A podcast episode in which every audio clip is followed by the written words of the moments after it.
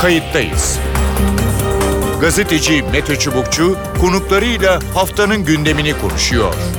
Tarihi yaşarken olaylara kayıtsız kalmayın.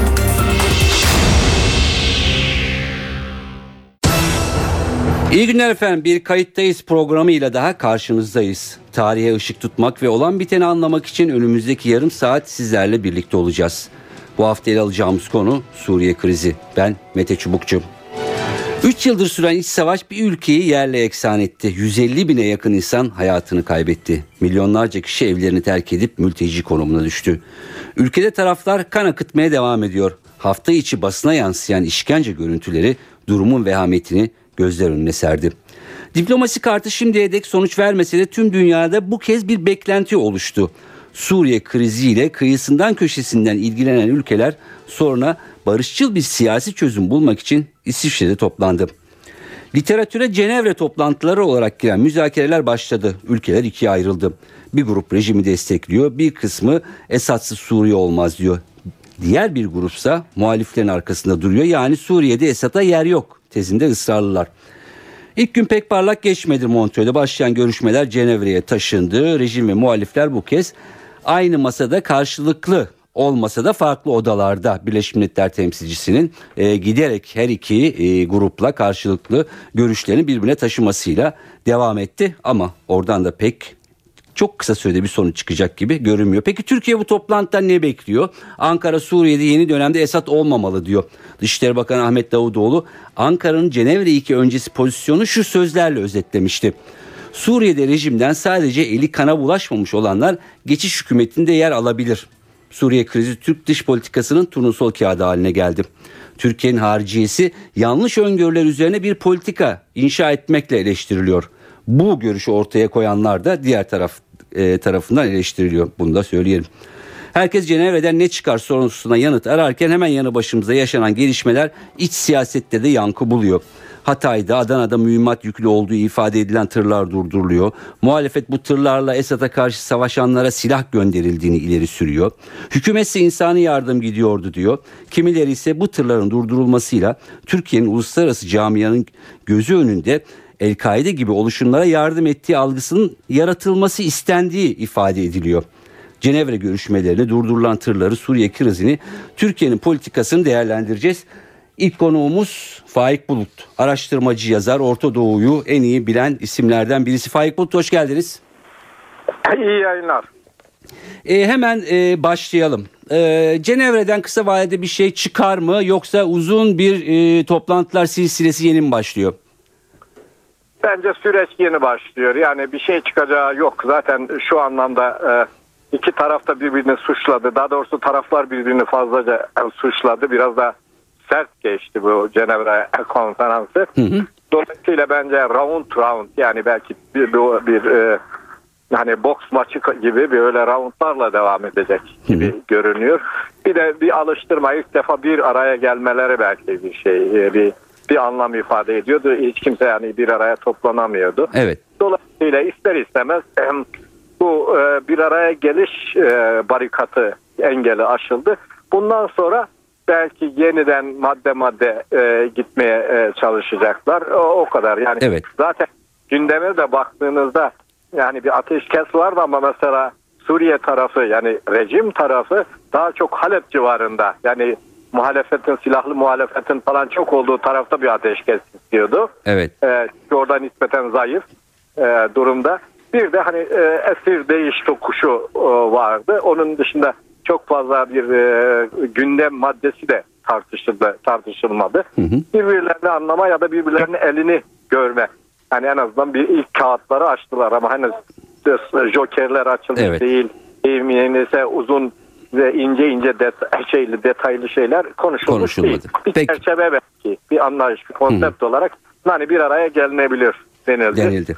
Ee, o şeylerin muhalefetinde hani Esad hemen gitsin demesi o birinin ben yok gitmem ömrüm boyunca gitmem falan demesi Türkiye'nin oralarda ısrar etmesi çok bana anlamlı gel gelmiyor. Ee, basın üzerinden konuştuklarını bu sefer yüz yüze konuştular. Öyle söyleyeyim. Evet. E, gerçi e, şimdi e, rejimle muhalefet yüz yüze görüşmüyor. E, işte temsilci e, İbrahim'i bir o odaya gidiyor, bir bu odaya gidiyor. Bunları şey yapıyor. Ben ama şunu e, soracağım. Şimdi Suriye baktığımızda Suriye artık sadece Suriye değil gibi. Herkesin hani e, tabiri caizse elini parmağını soktuğu bir alan haline geldi. Peki Cenevre'de herkesin pozisyonu bu sefer netleşti mi? Yani artık kimin nerede durduğu belli mi yoksa e, yine yer değiştirenler olabilir mi?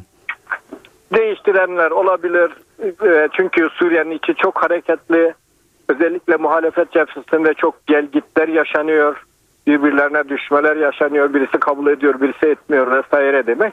Ama Suriye meselesi gerçekten bir Suriye meselesi değil. Artık tümüyle Orta Doğu haritası meselesi. Hı hı. Yani Mısır'daki mesele de deyim yerindeyse Afrika'daki Arap ülkelerindeki bir mesele de Ürdün'deki, Türkiye'deki, işte Irak'taki falan mesele, Kürtlerin meselesi de muhtemelen e, eğer çözülürse bu birbirine bağlı bir şekilde ilerleyecek, ele alınacak gibi görünüyor. Yani komple bir klasörden bahsediyoruz. Tek bir dosyadan bahsetmiyoruz. Yani Suriye'deki e, sonuç e, bölgenin e, hani biraz daha abartırsak haritasını ya da şeklini mi değiştirecek demek istiyorsunuz? Gördüğüm orada. Yani onu söyleyeyim. Belki harita değişir değişmez. Yani bir iki makale okudum Arap gazetelerinde. İşte, e, haritadan da bahsediyor. Yani bundan sonra harita da değişebilir deniliyor. Ama e, o, belki abartı payı çok o, olabilir ama kör düğüm orada. Oradaki düğüm, kör düğüm çözülürse e, Lübnan'a, e, Filistin'e, efendim İran'a, Irak'a, Türkiye'ye neyse uzatmayayım. Suriye'nin kendisine yansımalar çok fazla olacak. Çözülmezse yine yansımaları, komplikasyonu yani daha fazla girifleşmesi, çetrefilleşmesi de orada olacak. Evet. Ee, yani şu en başından e, söylenilen e, birçoklarımızın da söylediği Suriye'nin aslında diğer ülkelere benzemediği bu Arap ayaklanmaları sürecinde çok farklı komplikasyonlara e, yol açabileceği ama kim dinledi kim duydu tabii ki orası tartışılır. Şunu soracağım. E, son çıkan işkence e, fotoğrafları e, şu an için e, rejim tarafından işlendiğini kabul ediyoruz. Belki e, yeni bir e, elemeden ya da bir e, incelemeden geçmek zorunda. Bu fotoğrafların ne kadar etkili olduğunu düşünüyorsunuz dünyada? Yani belli bir kamuoyu yarattığını yani yanıltıcı yanılsamacı olsa da belli bir kamuoyu e, oluşturduğunu e, söyleyebiliriz ama orada e, yani teknik problemler var. Şimdi ona girmeyeyim. Yani nasıl 3 gün 5 gün içinde hani onlar seçildi doğru olduğu kanıtlandı kanıtlanmadı. Efendim bunu finanse eden kesim onu tek başına çeken işte o e, e, Sezar kod adlı işte polis falan. Bunlar bunlar teknik problemler. Beni şu anda çok fazla ilgilenmeyen problemler değil ama bir soru işareti her her halükarda var. Ama problem şu e, şey e, yani karşı atak şu. Kimin eli kanlı değil ki? Kim işkence yapmadı ki? Hı hı.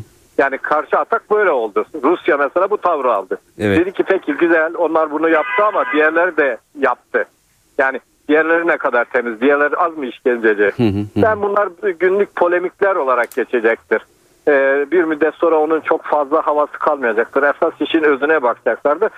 Rusya orada inisiyatifi kaybetmek istemiyor. Çünkü o formülasyon yani Cenevre formülasyonu esas olarak Rusya'nın inisiyatifindeydi. Onu kaybetmemek için hani dengeli gitmeye çalışıyor. Bir taraftan bir taraftan da inisiyatifi Amerika'ya kaptırmak istemiyor. İstemiyor. Ee, peki yine şöyle bir soru sorayım. Ee, yani bu fotoğraflar mı yoksa El-Kaide korkusu mu daha baskın olur Batı açısından, Amerika açısından? Ve korkusu.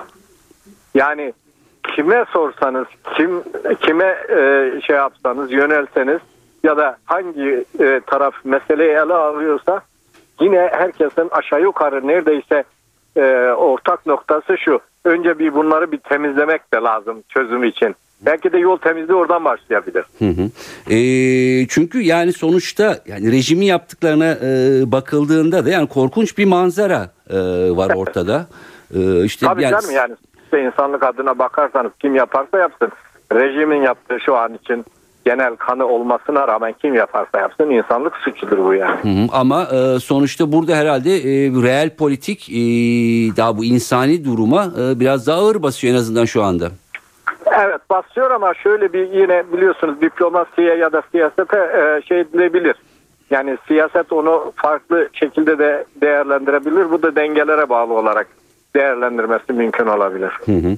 Ee, peki şuna de, demin e, işte bölgede e, farklı komplikasyonlara yol açabilecek e, dediniz. Yine kısaca e, bakıyoruz yani yer değiştirmeler oluyor. Mesela işte Mısır'da farklı yerlerde olan e, ülkeler Suriye'de yan yana gelebiliyor. E, Evet. Yani bu tür e, hani belki tuhaf diyebileceğimiz bir takım e, gelişmeler de var. Şimdi öyle doğru ama yani burada en önemli yer değiştirme Suudi Arabistan'ın şeyi kabul etmesidir. Cenevre'yi kabul etmesidir. Gitmeyi kabul etmesidir. Bu şu anlama da geliyor. Amerika Suudi Arabistan'ı işte El-Kaide benzeri daha radikal örgütlere destek yani daha doğrusu har iç savaşı ya da o bölgedeki savaşı daha fazla e, alevlendirmemek için bir, bir nevi kontrol altına alması anlamına gelir ki bu da e, deyimi bir anlamda da El-Kaide'ye de yönelik yeni bir cephe açılması anlamına geliyor. El-Kaide genel anlamda söylüyorum tabii. Hı hı. Yani bir tek örgütten bahsetmiyorum. Evet.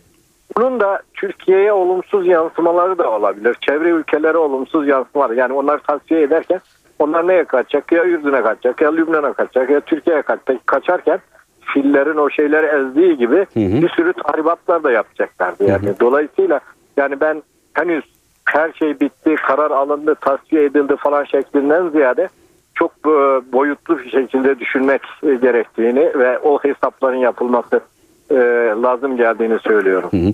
Peki e, Suriye muhalefetinin yapısına bakacak olursak e, muhalefeti e, tam anlamıyla ya da dörtte üçüyle e, temsil ediyor diyebilir miyiz? Kendi işlerinde de çelişkiler var. E, Kürtlerin bir kısmı katılmadı. E, bir iki temsilciyle oradalar. E, bir kısmı evet e, biz temsil ediliyoruz diyor. Diğer kısımsa hayır diyor. Biz orada yokuz e, diyor. E, ne dersiniz bu duruma? Şimdi oradaki tabii muhalefetten yani bu şeye giden e, Cenevre'ye gidenler de kendi içinde epeyce bir e, şeyli problemli.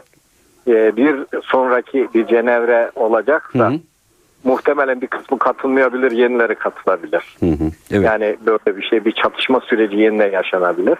E, Kürtler de bence ilk giden heyet çok e, beklentilerine karşılık e, alamadıklarını gördüklerine onlar da yeniden bir hesap yapabilirler. Hı hı. Dolayısıyla roundlardan sonra kesinleşir yani bu taraflar diye düşünüyorum. Kürt tarafı da muhalefet tarafı da İslami tarafta Amerika tarafı e, ve Rusya tarafı Suriye tarafı da böyle yeniden bir e, hesaplarını karıp yeniden bir tutum alırlar ve her tutumda bir başka şeyde zaten ilerleme olmazsa zaten devam etmez ama ilerleme olacaksa her tutumda bir her yeni e, konferansta daha değişik şekiller alabilir. Bunu e, hareketli düşünmek yani statik değil, durgun değil, daha aktif içinde düşünmekte yarar var. Yarar var. Yani yolun daha başındayız. Çok başındayız. Çok Evet, başında. savaşta- Daha yani Hı hı. hatta yani şöyle söyleyeyim daha ilginci belki de bu konferans gibi şeyler oldukça birbirlerine karşı kozları daha şiddetlenebilir yani. Evet yani e, gerçekten ummadık şeyler de ortaya çıkabilir. Faik Bulut çok teşekkür ediyorum yayınımıza katıldığınız İyi için. yayınlar. İyi. Teşekkürler. Evet e, araştırmacı yazar Faik Bulut'la e, bugüne kadar gelinen noktayı e, konuştuk. İkinci konuğumuz Bilgi Üniversitesi'nden e, Profesör Deniz Ülke Arıboğan. Deniz Ülke Arıboğan hoş geldiniz kayıttayız programına. Hoş bulduk merhaba. Ee, evet şimdi e, yeni bir safa başladı e, gibi Montreux ya da e, Cenevre ile. Ee, ilk sorum şu oluyor Ee, Suriye meselesinde şu anda neredeyiz ya da dünya nerede? Ee, bu Cenevre bir e, başlangıç mı buradan bir şey çıkacak mı? Ee, iki yıldır bu konu konuşuluyor. Ee, henüz daha ortada da bir şey yok bu Montreux ve Cenevre süreçlerinden sonra ne dersiniz? Şimdi e, her şeyden önce aslında mesele Suriye meselesi olmaktan çıktı. Böyle büyük e, aktörlerin, dünya çapındaki aktörlerin e, bir yeni yenilgi alıp almayacağına dair bir muha- e, probleme e, oturmaya başladı. Yani burada geri adım atan e, artık Suriye muhalefeti ya da rejimi değil, e, belki bir bakış açısıyla Rusya ya da Amerika Birleşik Devletleri ya da Fransa olacak gibi. Yani artık Suriye halkının kaderi e, tamamen Suriyelilerin, e, Suriyeli aktörlerin kontrolünden çıkmış durumda. O nedenle e, bu çatışmada canı yanmayan taraflar çatışmanın e, bitmesi konusunda e, çok da niyetli değiller göründüğü kadarıyla. Yani kendi savaşmadıkları bir ortamdan yenilgi alarak çıkmak istemiyorlar. Bu nedenle de ortaya her gün yeni bir takım deliller çıkıyor, katliam görüntüleri çıkıyor, şu oluyor bu oluyor ama çok da fazla bir ilerleme sağlamak mümkün olmuyor. Hani ben e, şöyle düşünüyorum, bu e, biliyorsunuz Cenevre konferansı Montreux'de başladı, sonradan Cenevre'ye e, aktarıldı. E, Montreux'da başlamasının sebebi de Cenevre'de bir saat firmasının fuarı olduğu için otellerin Otel, dolu olması. yer yok. evet. Yani işte bu aslında bir batılı bakış açısını ya da Suriye'nin e, onların gözündeki önceliğinin yerini de belirleyen bir faktör. Yani bir saat firmasının fuarı nedeniyle Cenevre'de bile başlatamadığınız bir konferanstan söz ediyoruz. Evet. Kaldı ki e, öyle bir hale geldi ki artık yani e, bir barış sağlanabilmesi için Esad'ın gidip gitmemesi üzerinde daha ilk atımda çok ciddi sıkıntılar doğuyor. Aslında Esad gittikten sonra bu ülkenin kaderine ne olacak konusunda da çok e, ciddi sıkıntılar var. Yani şu anda fiilen bölünmüş bir ülkeden söz ediyoruz. Evet. Yani ve üstelik şu anda işte Kürtlerin e, konferansa katılıp katılmayacağı onların geleceği ne olacak? Burada IŞİD devlet, IŞİD'in kurduğu devletin Irak'tan Suriye'ye doğru uzanımı ne olacak? Yani Esad sonrasında Sünnilerin konumu ne olacak? Nusayrilere verilecek alan nasıl olacak? Gayrimüslimler nasıl yaklaşılacak? Yani mesele çok çetrefilli bir şeye dönüştü. Maalesef bir devlet çöktü ve yerine o devleti ona benzer bir şey bile kurgulamak imkansız hale geldi. Evet. Ee, e, ve haklı olarak da Ruslar e, bu anlamda şey söylüyorlar. Daha önceki tecrübelere bakıp yani bir devleti çökerttikten sonra yenisini yerine koyamadığımız için e, bunu çökertmeye çalışmak yanlış, diye Yanlış değil. düşünüyorum. Yani Biraz Libya örneğini veriyorlar herhalde orada. Evet, evet. Yani olmuyor. Bir, bir, bir düzen devrildikten sonra, bir düzeni yıktıktan sonra hele ki e, Libya çok daha kolay bir Tabii. coğrafya. Yani böyle bir ortamda bu kadar ağır travmaların yaşandığı bir yerde yani burada artık soykırım statüsüne girecek şeyler var. Evet. Buna benzer bir takım e, artık Auschwitz kampları görüntüleri ortaya çıkıyor.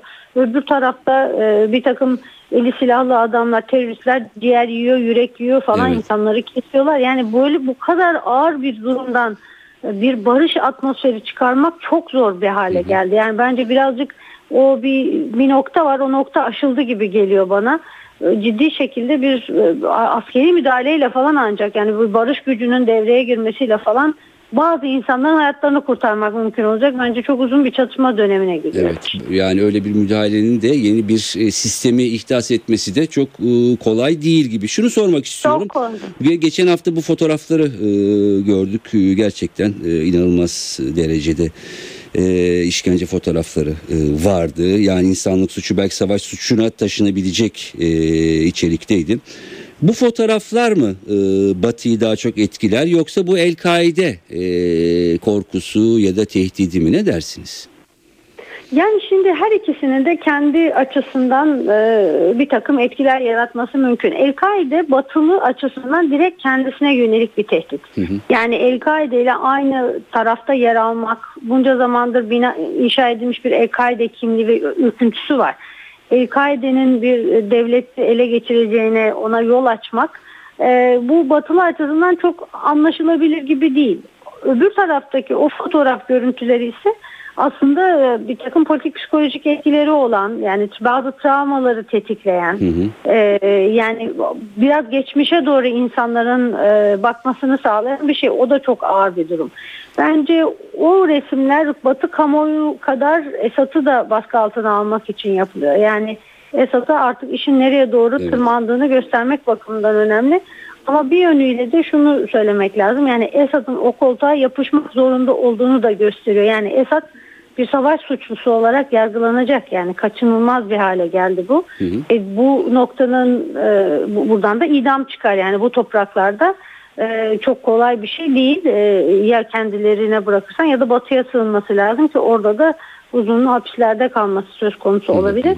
O nedenle yani Esad'ın e, iktidardan devrilmemek için her şeyi yapması gerektiğini, kanın son damlasına kadar da savaşmak zorunda kalmasına yol açıyor bir yönüyle. Yani bunları ya yok sayacaklarını garanti edecekler ki ta- ta- gitsin yani o bıraksın bulunduğu konumu. Evet. Ve o da çok kolay bir şey değil. Değil. Peki şu mümkün mü? Yani şimdi e, masanın iki tarafında işte bir geçiş e, belki ileriki dönemde tartışılacak. İşte Esadlı, Esadsız.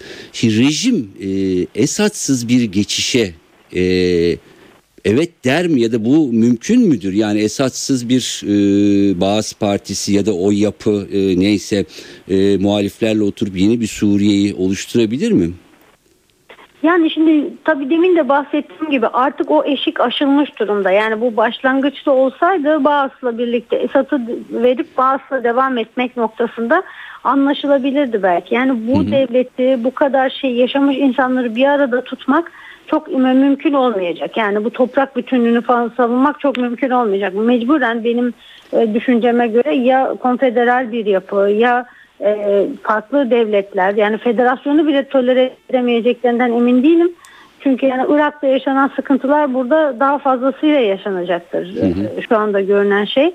İnsanlar da birbirlerini öldürmeye başladılar. Sadece bir rejimin ürettiği bir e, saldırıdan çok her, insanların birbirini öldürdüğü bir noktaya doğru da gelmiş durumda. E, o nedenle e, çok kolay olmayacak Suriye'de barışı tesis etmek lafı çok garip geliyor şu anda kulağıma. Evet. Yani Suriye'de belki silahları susturmak geçici bir şekilde mümkün olabilir ama o devleti yeniden kurmak çok mümkün olmayabilir. Yani silah zoruyla silahları susturabilirsiniz belki ama hani nasıl bir gelecek öngörüyorsunuz derseniz bir arada bir gelecek tasavvur edemiyorum. Evet ben de aynı şeyi düşünüyorum. Yani bir arada bir gelecek tasavvuru bundan sonra çok e, mümkün e, görünmüyor ama bir ateşkes en azından orada gerçekten kamplarda çok zor durumda olan insanları biraz nefes evet. aldırmak için e, gerekli gibi görünüyor. Şunu sormak istiyorum.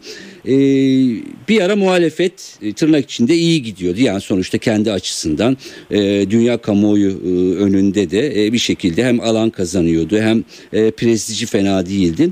Birden ne oldu da bu işte El-Kaide tartışmaları onlar birden ortaya çıktı. Bu görüntüler yayınlanmaya başladı. Batı ya bir dakika biz bunlar varsa yardım etmeyiz demeye başladılar. Yani e, güçlü olduğu noktada El-Kaide muhalefetin içinden mi çıktı yoksa zayıf olduğu noktada mı e, ortaya çıktı? Şimdi aslında Suriye'deki mesele sadece bir rejim muhalefet çekişmesi değil. Yani iki taraf iki aktör yok orada. Muhalefetler var.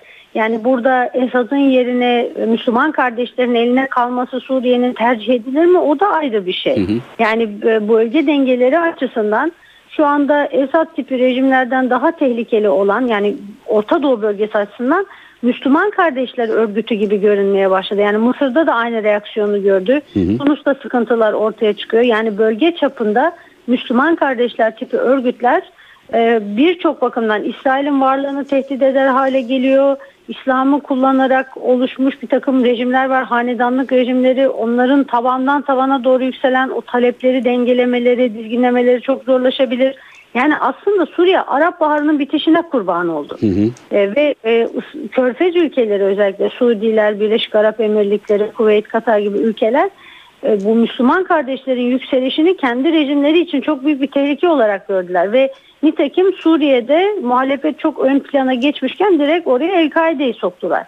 El-Kaide'nin girdiği yerde Batı'nın muhalefetten yana durmasına zaten imkan yoktu. Artı hani bir müdahale yapması da çok zorlaştı bir yana. El-Kaide varsa burada bir vahşet olacağının göstergesi olarak nitelendirebiliriz. Evet. El-Kaide aslında orada e, Müslüman kardeşler tipi bir yapının oluşturulmasını engellemek maksadıyla girdi ve orada sürekli bir no, no man's land gibi bir şey oldu. Yani kimse ait olmayan bir alan. Şimdi bu Batı açısından çok kötü değil. Neden? Çünkü Suriye daha önce İran etkisinde olan bir yerdi. Ruslar çok etkiliydi. Batı'nın hemen hemen hiçbir etkisi yok. Evet. Eski Fransız etkisi ama şu anda İran da bertaraf oluyor. Yani burada bir şey birine ait bir alan değil. Burası bir çatışma çukuru diye düşünelim ona. Hı hı bu kazanın içine attılar ve o kazan kendi halinde kaynıyor. Batı açısından hiç rahatsızlık verici bir durum yok. Hı hı. Yani kazan kaynadıkça dışarı taşan sulardan çevre ülkeler o sıcaklıktan, hararetten rahatsız oluyorlar ama temelde baktığınız zaman İsrail'in de çok rahatsız olması için bir sebep yok. Mısır'ın da yok. Yani çevredeki bazı ülkeler de aynı şekilde e, kendilerine kıvılcımlar sıçramasına rağmen tolere edebiliyorlar. Yani İran olacağına bu olsun ya da Rusya olacağına bu olsun diyor bir taraf. Öbür tarafta e, Müslüman kardeşlerin eline geçeceğine evet. bu olsun diyor. O nedenle de aslında bir konsensus halinde Suriye e, perişan edilmiş durumda. Peki bu hararet e, en yakındaki e, ve içindeki belki de e, Türkiye'yi nasıl e, etkileyecek? Bütün bu tür tartışmaları işte e, bir yandan muhalefetin eleştirisi bir yandan e, savunmalar e, ne dersiniz? Yani Türkiye nerede başlangıç noktasında mı? Gerçi bir takım rötuşlar yaptı son dönemde yani e, en azından lafzen e, e, pratikte de e, ancak tabii eleştiriler yoğun. Hararet ne kadar e, yakınımıza daha da gelecek acaba? Şimdi oldukça yakınımızda bence çok sakıncalı bir atmosfere doğru giriyoruz. Çünkü aslında Mısır'daki darbeden sonra Türkiye'nin bölgede kurduğu denklem çöktü. Yani e, Türkiye açısından işte Arap Baharı'nın desteklenmesi, Müslüman Kardeşler Örgütü'nün e, lideri gibi yani bu bölgede bütün bu halk tabanlarından kaynaklanan bir şey çünkü. Hı hı. E, Türkiye'nin buna önderlik etmesi paradigmanın kendisiydi. Şimdi bu durdurulduğu andan itibaren Türkiye oldukça geri çekilmek zorunda kalıyor. Çünkü bir yandan e, buradaki insanlara karşı bir sorumluluğunuz var. Teşvik ediyorsunuz. E, onları hareketlendirmişsiniz. Onların korunması gerekiyor. Ama bir bakıyorsunuz sizle birlikte yola çıkan Batı gerisi çekilmiş. Yani Amerika'dan Avrupa'ya kadar bakın. Yani Cameron parlamentodan geçiremedi müdahale kararını. Evet. Yani baktığınız zaman Batı'nın çok hızlı bir biçimde kaçtığını görüyorsunuz.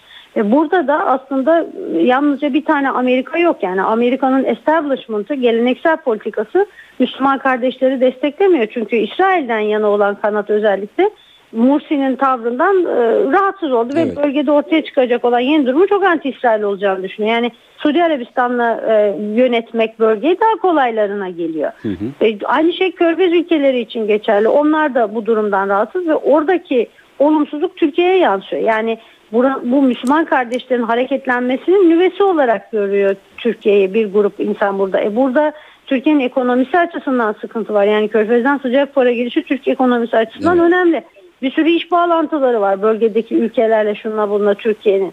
Yani şu anda Türkiye bu Müslüman kardeşlerin liderliği pozisyonundan hızlı bir şekilde çıkıp yani resetlenme dediğimiz şey dış politikasına yeni bir paradigma üzerinden işte halkların yanında durma e, kavramını biraz modifiye ederek e, bir hale yola sokması gerekiyor. Yoksa yani müttefiklerimiz yenildiği için biz de yenilmiş sayılıyoruz hikayesi bizim hani tarihimizde çok klasiktir. Evet. Yani çevrede müttefiklerimiz yenildi bir kere. E, onun için daha hala mücadeleler var ama görünen dünya üzerindeki trend bu Arap Baharı işte tabanların tıpkı işte AK Parti'nin sandıktan nasıl çıktı geldi Türkiye'yi işte milli gelirini yükseltti, ekonomisini düzeltti, sisteme eklemledi falan filan böyle bir model işlemiyor buralarda. Yani Türkiye o ilham kaynağı pozunu, pozisyonunu gereğinden fazla içselleştirdi benim anladığım kadarıyla. Yani daha ziyade böyle bir yeni model üretme telaşına girdiği için Türkiye Orta Doğulaştı. Şimdi Türkiye hızlı bir biçimde batıya ve Avrupa'ya doğru çıpasını atmak zorunda ki başladı buna. Yani Türkiye'nin bu son e, son birkaç haftada özellikle çabası benim gördüğüm kadarıyla hükümetinde hızlı bir dönüşüm gösteriyor. Bu yani e, Türkiye'nin e, birçok politikası, İsrail evet. politikası dahil yeniden değerlendirilebilir gibi geliyor bu sürecin içerisinde. Avrupa perspektifimiz çok daha ön plana çıkabilir önümüzdeki günlerde. Çünkü Türkiye'nin yeniden bir o tarafa doğru denge e, şeyini atması gerekiyor. Yani oraya çıpayı atmadan bu iş çok zorlaşacak, zorlaşacak gibi.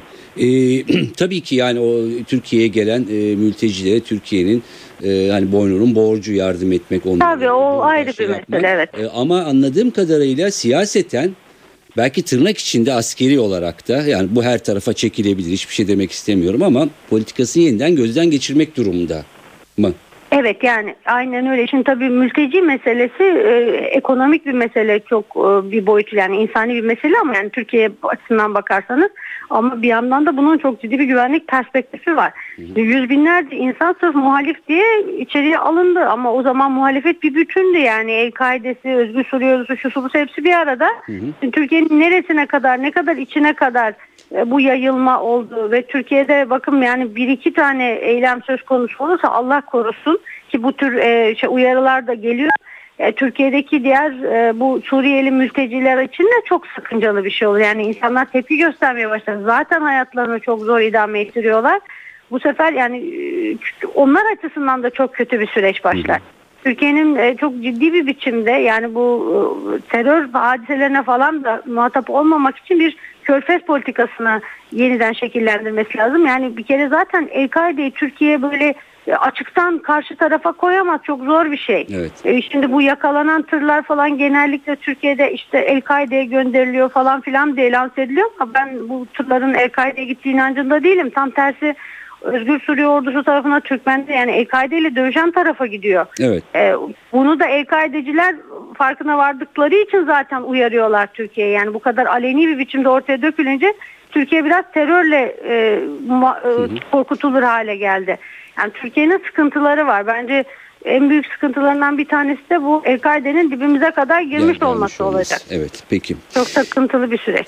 Ee, süreç devam edecek. Ee, belki ilerleyen günlerde de yine e, yorumlarınızı, analizlerinizi almak için e, sizi e, tekrar rahatsız edeceğiz. Çok teşekkür ediyoruz Deniz. Ülker Boğan. Evet. Oldu. Görüşmek üzere. Hoşçakalın. Evet efendim Suriye meselesi daha uzun zaman alacak gibi görünüyor. Tabii ki bu Türkiye'yi derinden de etkiliyor. Hem dış siyaset hem iç siyaset açısından. Ee, genel olarak bu konudaki savunmalar, eleştiriler zaman zaman birbirine karışıyor. Dünya hem bakıyor hem bir şey yapmaya çalışıyor gibi görünüyor. Cenevre bir başlangıç, yarın bir sonu çıkması çok mümkün değil. Çünkü artık e, konuklarımızın da söylediği gibi Suriye artık sadece Suriye değil. Neredeyse tabiri caizse herkesin elini parmağını soktuğu bir alan sadece bir ülke meselesi olmaktan çıktı ama unutmayalım ki orada her gün insanlar ölüyor, öldürülüyor. Ve herkes durduğu yerden bakıyor, savunmasını oradan yapıyor. Kimse açıyı genişletmiyor, kimse diğerini görmeye çalışmıyor. Evet Suriye'yi belki önümüzdeki günlerde de konuşacağız ama e, Türkiye'nin dünyanın en sıcak meselelerinden birisi 3. yılını da doldurmak üzere. Evet ben Mete Çubukçu, editörümüz Sevan Kazancı. Bu haftalıkta bu kadar diyoruz. Kayıttayız NTV Radyo'nun web sitesinden de dinlenebiliyor. Kaçıranlar için belki dinleyenler aktarır diğerlerine. Oradan e, ta, yeniden dinleyebilirsiniz. Bu haftalık bu kadar diyelim. Haftaya görüşmek üzere. Hoşçakalın. Kayıttayız. Gazeteci Mete Çubukçu konuklarıyla haftanın gündemini konuşuyor. Tarihi yaşarken olaylara kayıtsız kalmayın.